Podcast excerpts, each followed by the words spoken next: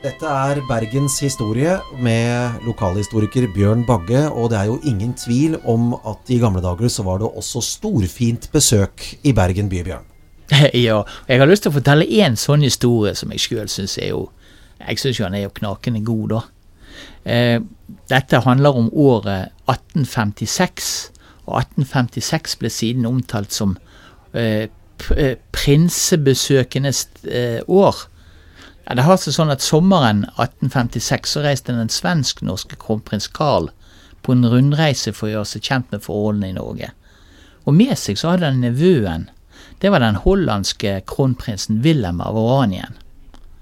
Og det var jo da planlagt at kronprinsen skulle komme til Bergen den 21. juli, rundt middagstider. Og hele byen var da møtt frem for å ta imot han. Men, men ventetiden ble jo lang, da. For kompisen hadde da hygget seg egentlig relativt dyktig eh, i, i, Hardanger, både med båttur, med middagsselskaper, med piker og, og med øl.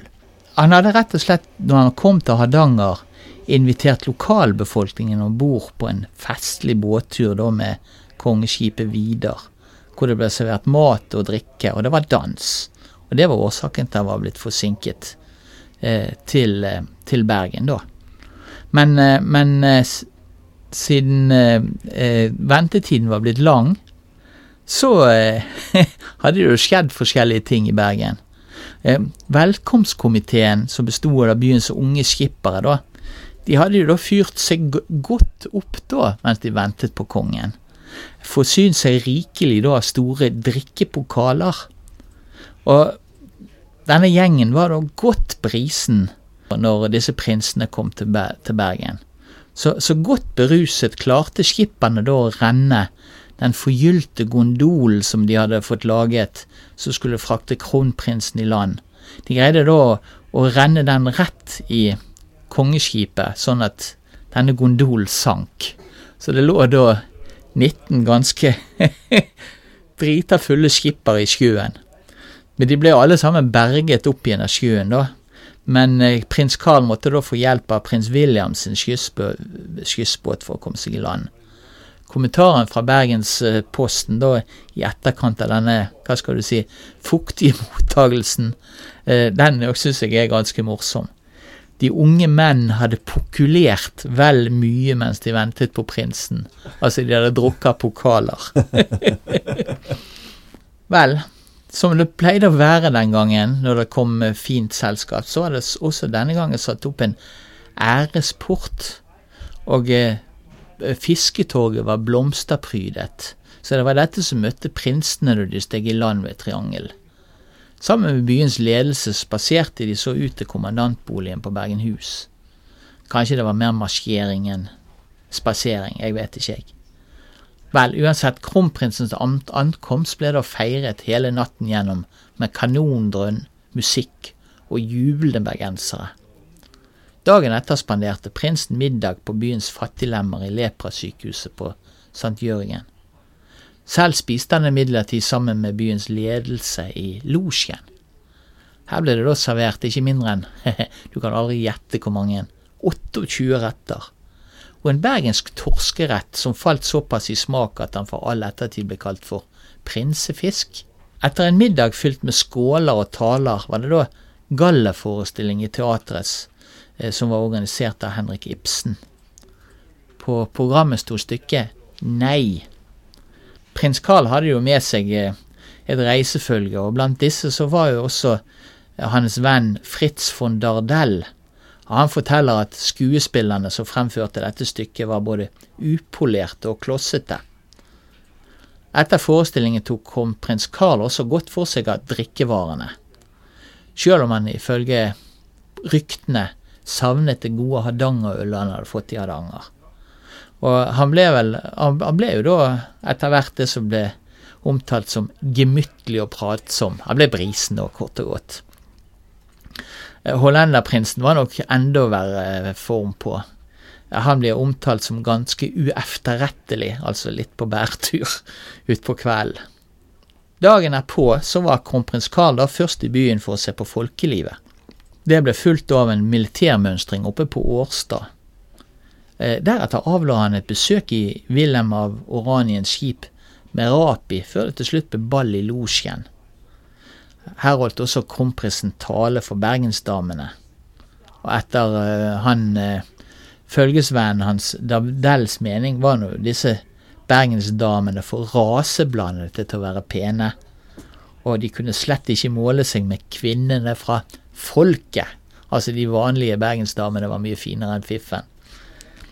Ifølge Adresseavisen så var jo ballet da svært vellykket, og de kongelige høyheter forble ved ballet inntil klokken to om natten og deltok livlig i dansen, som det står. Avreisedagen 24.07 besøkte kronprinsen da bykirkene og Tang skole, som var helt ny på den tiden, da, før turen gikk til det nye vannverket og det nye, BMW som, lå, som var ute i Sandviken. Og BMW var altså forkortelsen for Bergens Mekaniske Verksted, som var et skipsverft som ble etablert i Solheimsviken i 1855. Verftene bygde dampskip i jern, som var nytenkende i en tid der trebåtene nominerte på de syv hav. Ved overgangen til år 1900 var det over 1500 arbeidere i sving på verftsområdet. Du vet, BMW er så inngrodd for eldre bergensere at vi tenker ikke over at det trengs å forklares engang. I pøsende regnvær tok så prinsene med følge avskjed med bergenserne fra Triangel på torget. Eh, men været la jo da ingen demper på begeistringen fra bergenserne. For eh, kongeskipet Vidar forlot da byen omkranset av småbåter, som hadde da brennende fakler om bord, mens byens sangforeninger sang fra dampskipet Patriot. Det er vakkert. Se det for dere, da. Vel, som alltid i Bergen så var det jo voldsomt mye diskusjoner om hva som egentlig eh, burde vært gjort den, under dette fine besøket. For det var jo noen som ikke var invitert, mens andre var invitert, osv. Så, videre. så ganske mye sånn krangling om at dette ikke var gjort på riktig måte etterpå. Og kritikken fra disse bergenserne, som da følte seg forbigått under prinsebesøket, det var jo knapt over før de franske orlogsskipene La Reine Hortense og Kossyt ankom byen 23. august. Om bord her var den franske prinsen Napoleon, som sto i spissen for en fransk ekspedisjon som skulle til Nord-Norge, Island og Grønland.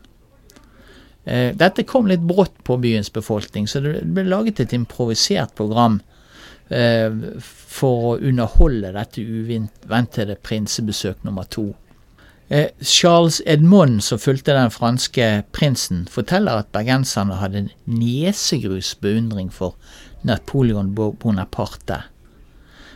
Og all oppstandelsen besøket førte med seg, gjorde det nærmest umulig for nevøen hans prins Napoleon å bevege seg rundt om i byen. Som sagt, et variert program blir i hu og hast satt opp til ære for prins Napoleon.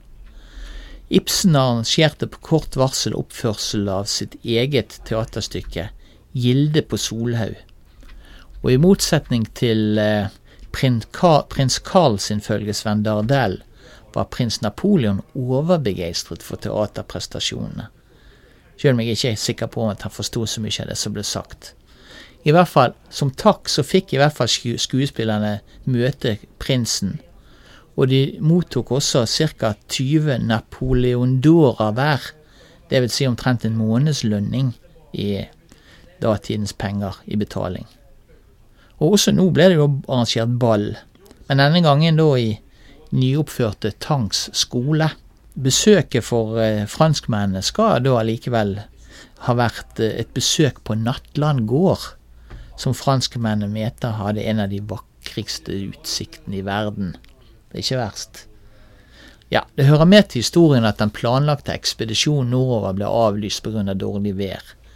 Og Isteden så satte prins Napoleon kursen mot Kristiania, hvor han da festet videre med kronprins Carl, som hadde vært i Bergen tidligere. Ja, det var historien om prinsesommeren 1856.